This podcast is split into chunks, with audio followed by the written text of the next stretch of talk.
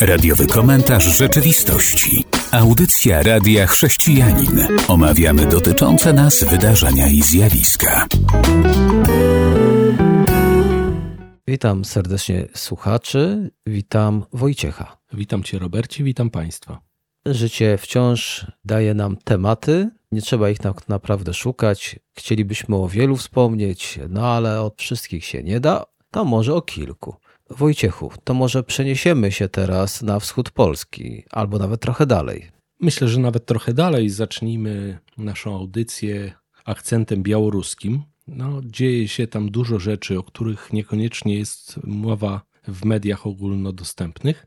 Otóż liderka białoruskiej opozycji Swietłana Ciechanowska, która pojawiała się już w mediach z racji tego, że była przez obecny rząd y, trochę mocno represjonowana, postanowiła utworzyć tymczasowy rząd Białorusi. Zapowiedziała to we wtorek na odbywającej się w Wilnie konferencji Nowa Białoruś i według portalu telewizji Bełsat w skład tego kolegialnego organu wykonawczego wejdzie na razie czterech członków. Postanowili stworzyć taki gabinet przejściowy, ponieważ nie uznają władzy obecnego prezydenta Łukaszenki, który sfałszował wybory, zostało to udowodnione. No ale z racji tego, że ma tak potężne wpływy na armię, na policję, nie są w stanie Białorusini tego wyegzekwować. Natomiast no, dzieje się, dzieją się takie rzeczy. Jest to słoneczko, można powiedzieć, w tunelu. Miejmy nadzieję, że Białoruś się ocknie i trochę tam się coś pozmienia, szczególnie w kwestii tego, że obecny przywódca Białorusi wspomaga Rosjan w inwazji na Ukrainę. Nie wiem, czy takie rządy na uchodźstwie w ogóle cokolwiek mogą, czy nasz rząd na uchodźstwie w czasie II wojny światowej zrobił coś dla Polaków. Tak naprawdę nie jestem tutaj fachowcem, ale nic nie powstrzymał. Stało się, co się stało. Może pomógł tym, którzy uciekli z kraju. Może pomógł choć trochę, bo radio nadawało niezależne spoza granic Polski. Ale czy pomogli nam? No sobie żyli, nosili jakieś tytuły, umarli. A po nich dopiero ileś tam ładnych lat, cokolwiek się tutaj w Polsce wydarzyło. Znaczy to też tak nie do końca, bo myślę, że trochę upraszczasz, ponieważ akurat generał Sikorski miał duże wpływy, zaczął tworzyć armię na zewnątrz, próbował do niej Polaków tam werbować, natomiast niestety okazało się, że Wielka Brytania bardzo mocno mu bruździła i przeszkadzała. No ale to już dla znawców historii kwestia. Tak? No może właśnie dlatego, no nie bardzo nam pomogli. No tu pewnie Białorusini mogą liczyć na większe wsparcie niż my w czasie II wojny światowej. Miejmy nadzieję, bo cały świat patrzy jednak w tym kierunku i jednak Europa ma trochę inne spojrzenie na dyktatora Łukaszenkę. A jeżeli jesteśmy już na Białorusi, to właśnie białoruski przywódca postanowił wesprzeć Rosję, która no nie ma już Coca-Coli w swoich zasobach. Coca-Cola wycofała się z tego rynku i Białoruś będzie eksportować do Rosji biała kole. To jest taki ich wewnętrzny produkt. Jest to bardzo słynny produkt, dlatego że tam kołchoźnicy podają to cielętom cierpiącym na niestrawność i dlatego jest taki słynny. Podobno jest lepszy od y, właściwej Coca-Coli, tak zachwalają. Myślę, że to fajna wiadomość dla Rosjan, bo mogą mieć też mocną niestrawność po tym, jak się w końcu dowiedzą, co robią ich przywódcy i taka białkola może im trochę pomóc. Też to chciałem właśnie zauważyć, że jak na niestrawność, a się może okazać, że będzie znacznie lepsza niż ten produkt zachodni, rozmakują się i po jakimś czasie może i my kiedyś spróbujemy. Sam jestem ciekawy, jaki to ma smak. Jeżeli dotarłeś do Rosji, to tylko wspomnę, dowiedziałem się, że ma powstać nowy kanał telewizyjny i ma to być protestancki kanał. Będzie nosił nazwę Dobra Nowina. Strona internetowa ma powstać jeszcze w tym miesiącu, a emisje chcą rozpocząć w listopadzie. No to powiem z jednej strony bardzo dobrze. Jest pewnie niewielki problem z polityką, bo nie wiem, czy nasi słuchacze kiedyś mieli okazję usłyszeć ten nasz bardzo króciutki wywód, ale tam protestanci nie mają jasnego, sprecyzowanego poglądu na sytuację na Ukrainie i generalnie siedzą cicho w większości, więc raczej Putin z nimi nie ma problemów, więc dlatego pewnie i kanał będzie dużo łatwiej uruchomić w takiej to sytuacji politycznej. Miejmy nadzieję, że jak to mówi stare przysłowie, kropla wody drąży skałę i być może jakieś treści będą do ludzi docierać, jeżeli nie będzie przeszkody ze strony państwa. Chociaż z drugiej strony trzeba spojrzeć historycznie, że chrześcijaństwo w Rzymie najbardziej się rozwijało właśnie wtedy, kiedy państwo było przeciwne. Tak, znamy tą historię. Jeżeli jesteśmy na wschodzie, to mam pytanie do ciebie. Z którym kościołem identyfikują się Ukraińcy? Takie badania zostały przeprowadzone i mam tu parę wniosków. A że pochodzą z serwisu stricte katolickiego, no to od razu powiem, nie uwzględnia on środowisk protestanckich, ale inne. To z jakim kościołem według ciebie? No, myślę, że z racji tego, że ostatnio takie triumfy święci cerkiew Ukrainy, to może z tą właśnie. Badanie przeprowadzono w lipcu tego roku i wynika z niego, że ponad połowa, 54% Ukraińców, identyfikuje się z prawosławnym kościołem Ukrainy, czyli dobrze prawisz. Ponadto warto dodać, że z kościołem grecko-katolickim, ukraińskim, to 8% jest jeszcze przecież ukraiński kościół prawosławny patriarchatu moskiewskiego. Ile dałbyś mu procent? No, myślę, że około 10. 4% by wynikało z tego badania. 14% to taka ciekawostka, którzy uważają się po prostu za prawosławnych i nie precyzują tego, do jakiego kościoła należą. To teraz Kościół rzymskokatolicki. Ile z nim się identyfikuje? No, jeżeli to robili katolicy, to myślę, że ze 30%. Nie, nie sądzę, żeby to robili katolicy. To od razu powiem, to teraz ile? 25. Nie, 1% respondentów, a za ateistów uważa się 10% ankietowanych. O tym dobrze wspomnieć, bo widać popularność prawosławnego kościoła Ukrainy, ale od razu też widać, że z kościołem rzymskokatolickim identyfikuje się 1%. Nie ma tutaj protestantów, bo jestem przekonany, że ten procent byłby trochę większy niż jeden, ale podaję to za katolicką agencją informacyjną, a ona raczej pewnie nie byłaby zainteresowana, no bo przecież ona informuje środowiska katolickie, więc protestantów pewnie ominęła, a ja do źródła badań nie mam dostępu. Ale jest to taka ciekawostka, bo kiedyś wspomniałem i to chcę powiedzieć, że pewna to pani dyrektor pewnej szkoły była tak mocno obruszona, kiedy Radio Chrześcijanin chciało podarować książki dla dzieci w języku ukraińskim i ona tego nie weźmie, bo to nie są książki rzymskokatolickie. Ja odpowiedziałem, wprawdzie do tej pani pewnie ta odpowiedź nie dotarła, że wśród tych dzieci, które ona przyjęła do szkoły, prawdopodobnie na 100 będzie tylko kilkoro rzymskokatolickich. Pozostałe z chęcią by poczytały, a podejrzewam, że i ten mały procent, bo tam nie ma nic takiego, co by godziło w ich przekonania, no ale była mocno uparta i skończyło się na tym, że nic dzieciom nie, nie dała, więc dzieci nic nie dostały. No przykra sytuacja, tak jak wspominaliśmy wcześniej. Ja myślę, że ta pani chyba się trochę minęła ze swoim powołaniem, bo jeżeli by już w ten sposób chciała podchodzić, to raczej powinna być dyrektorem jakiejś katolickiej szkoły, bo wtedy byłoby przynajmniej to zrozumiałe, ta jej postawa.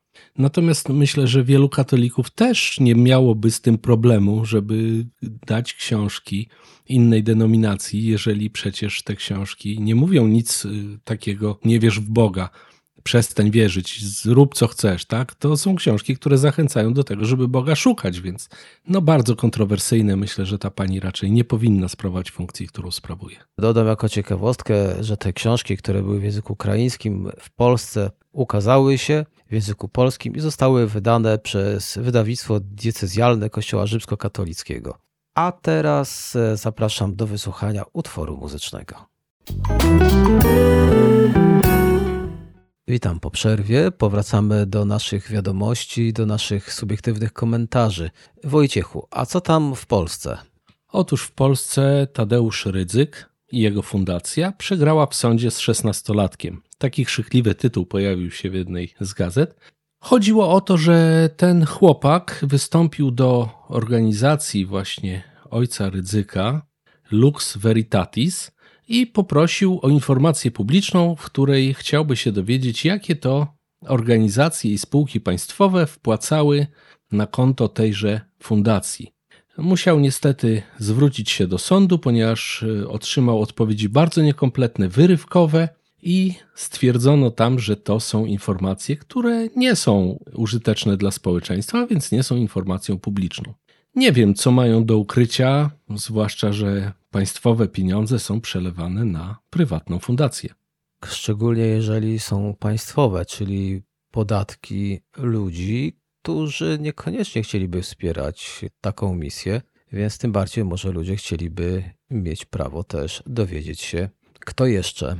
Tak, no dziennikarze mają prawo do tego, zostało im takie dane, ale tu widzisz, że chyba nawet i obywatele, jak widać, też mogą poprosić. No, czyli nas też ktoś może poprosić, czy jakieś instytucje dają. Od razu mówię, zdecydowana lewia część środków płynie od naszych słuchaczy, którym dziękujemy. Są to często naprawdę drobne kwoty, dlatego tym bardziej dziękuję, bo wierzę, że w tych czasach, trudnych czasach, jeszcze ktoś gdzieś wysyła i wspiera jakąś służbę. To szacun, więc dziękujemy.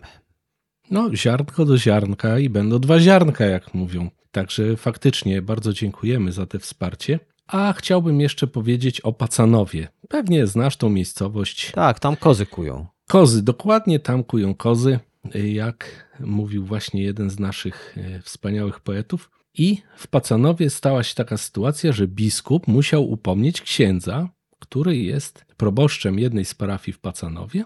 Otóż upomniał go za to, że duchowny groził pięściami mężczyźnie, z którym się skonfliktował, a potem publicznie uderzył w twarz kościelnego. Parafianie zaczęli domagać się odwołania tego duchownego, no jednak biskup okazał się miłosiernym człowiekiem i na razie na upomnieniu się skończyło. Wygrażał pięścią, to jeszcze faktycznie, no to jeszcze się daleko nie posunął, ale już w twarz, no to się posunął. No ale można było powiedzieć, kto z nas jest bez winy. Czasami, oczywiście nie popieram i nie pochwalam tego, co się stało, ale chciałbym powiedzieć, że bardzo szybko chcemy jakiś wyrok na taką osobę, a sami no właśnie, Pan Jezus opowiadał o belce, o źdźble. Często plotka, może nikogo nie uderzyliśmy pięścią, ale kiedy coś powiedzieliśmy, a plotka to nie są tylko kłamstwa. To jest mówienie, żeby komuś zaszkodzić. Więc możemy też mówić prawdę. Coś, co jest tajemnicą, rozpowiadamy i wtedy się krzywda dzieje.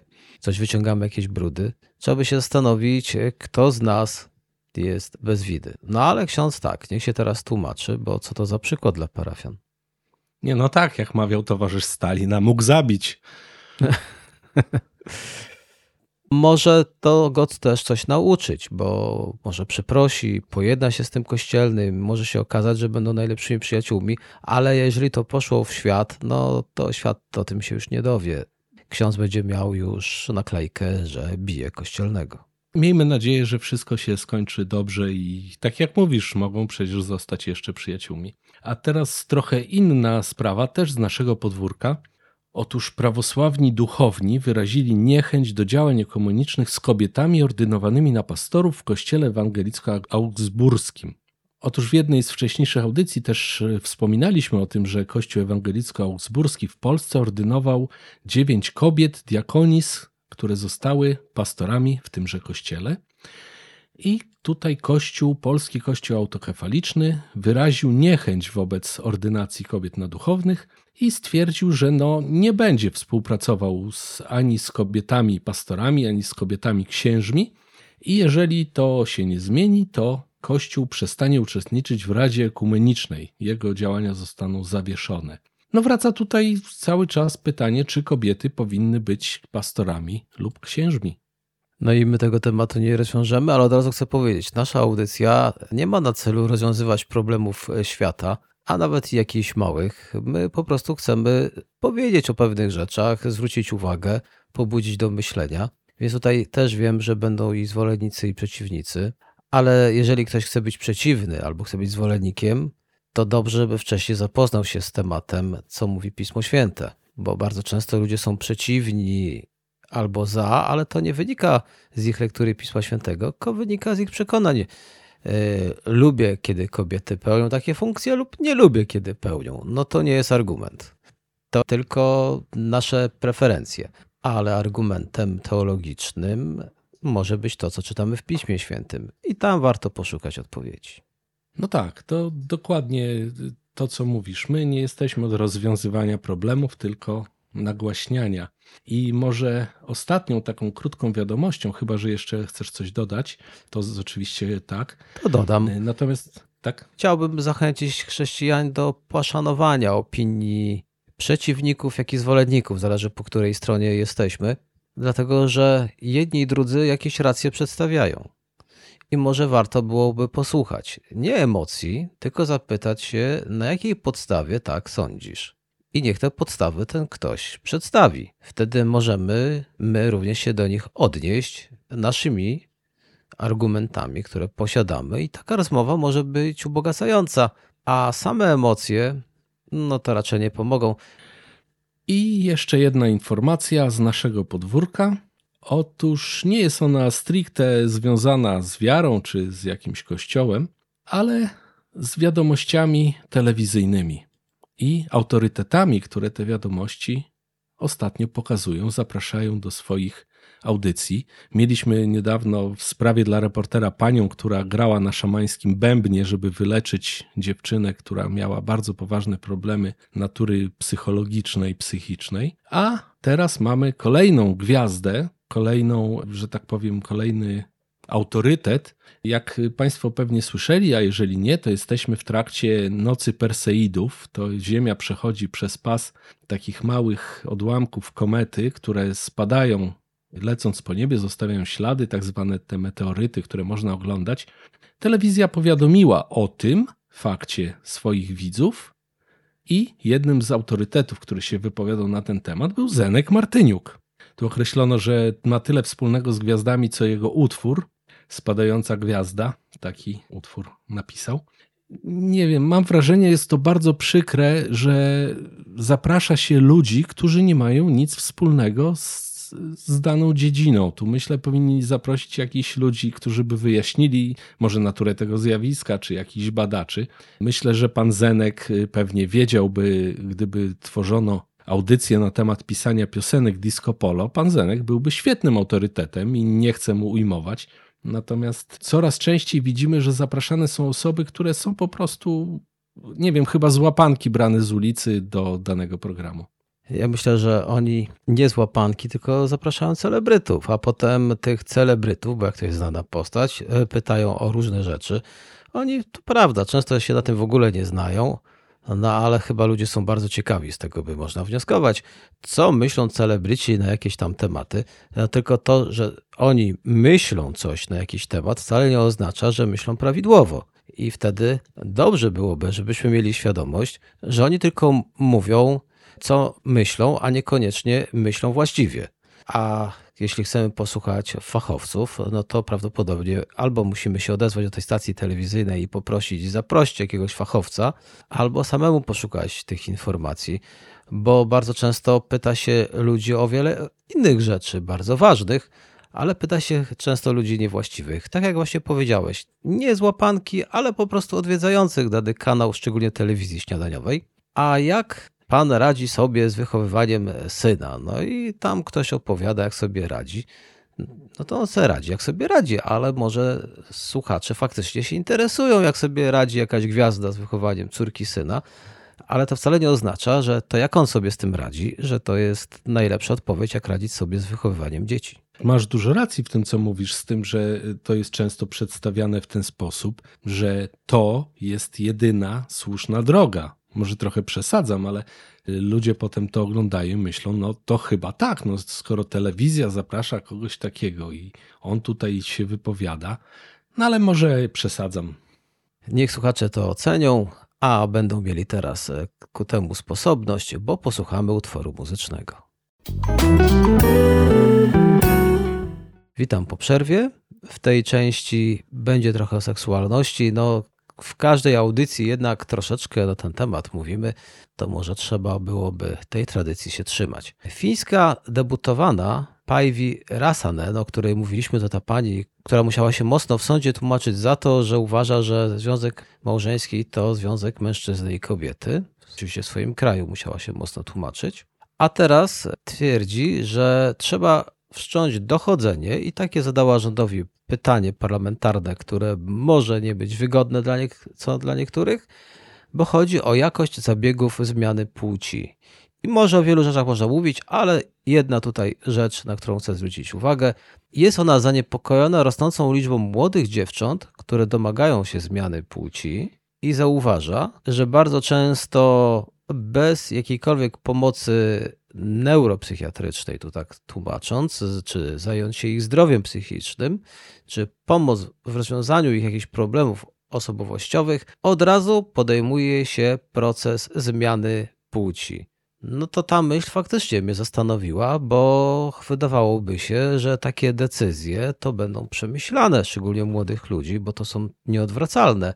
A tu się okazuje, no to sama pani polityk to zauważa, więc musi mieć w tym dużo racji, że nie oferuje się tym ludziom pomocy, no bo przecież jakaś dziewczyna załamana, bo jest dziewczyną i chciała być chłopcem, e, może gdyby ktoś poświęcił czas, okazał jakieś zainteresowanie i pomoc, mogłoby się to okazać, że po dwóch, trzech miesiącach ta osoba już wróciła do jakiejś tam równowagi i nie ma już takich pomysłów, a nie od razu wszczynać proces. Masz dużo słuszności, bo kwestie zmiany płci, zwłaszcza u młodego człowieka, to mogą być kwestie chwilowego kaprysu, czy kwestii presji jakiegoś społeczeństwa, czy wpływu społeczeństwa, które mieszka obok, bo akurat tam jest taka moda, tam jest taka, że tak powiem, takie przekonanie, że to jest właśnie właściwe, i taki młody człowiek dokonuje wyboru, a potem zaczyna się y, męczyć, bo się okazało, że ten wybór był pod szeptem chwili. Więc pewnie słusznie tutaj zauważa pani polityk, że trzeba najpierw przegadać, trzeba najpierw porozmawiać, sprawdzić. Psycholog, jakiś fachowiec powinien zbadać, czy to nie jest kwestia chwilowego kaprysu, bo potem może być problem. Cała jej partia obawia się, że oferowanie legalnej zmiany płci pomija problemy psychiczne, które często doświadczają osoby z dysforią płciową no to faktycznie. Niech się zainteresują, niech pomagają. A jeżeli jesteśmy już przy tym, to ja bym do Niemiec e, chciał na chwilę zajechać, bo tam padła ostra krytyka Marszu Równości. Niemiecka organizacja zajmująca się ochroną dzieci złożyła petycję, aby zaprotestować przeciwko publicznym rozwiązłościom seksualnym podczas niemieckiej parady dumy, która miała miejsce. Nie tylko, że sobie szli, no bo to przecież wolno, ale oni są oburzeni, że tam publicznie prezentowali nagość i akty seksualne i to się działo na oczach dzieci. I mówią wprost, widok tego jest bardzo niepokojący dla dzieci i może poważnie zaszkodzić ich rozwojowi.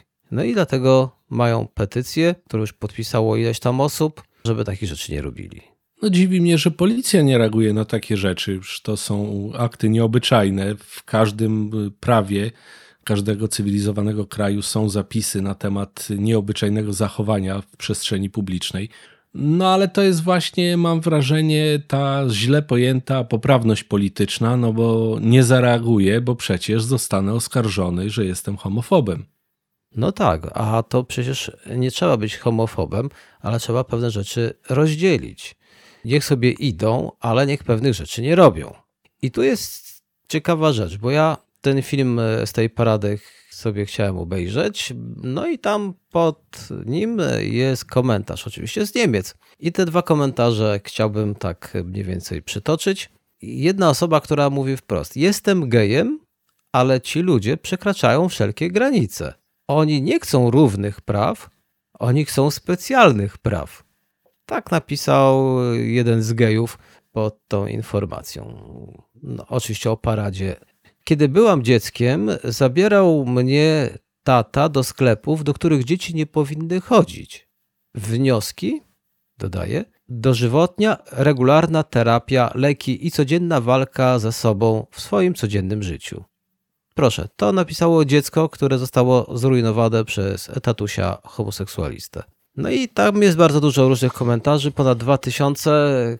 Każdy może jeden chwali, drugi nie, ale i to mnie poruszyło, no, że sami geje nie chcą się utożsamiać z takimi zachowaniami, no a policja, a policja dzieci ma chyba w nosie.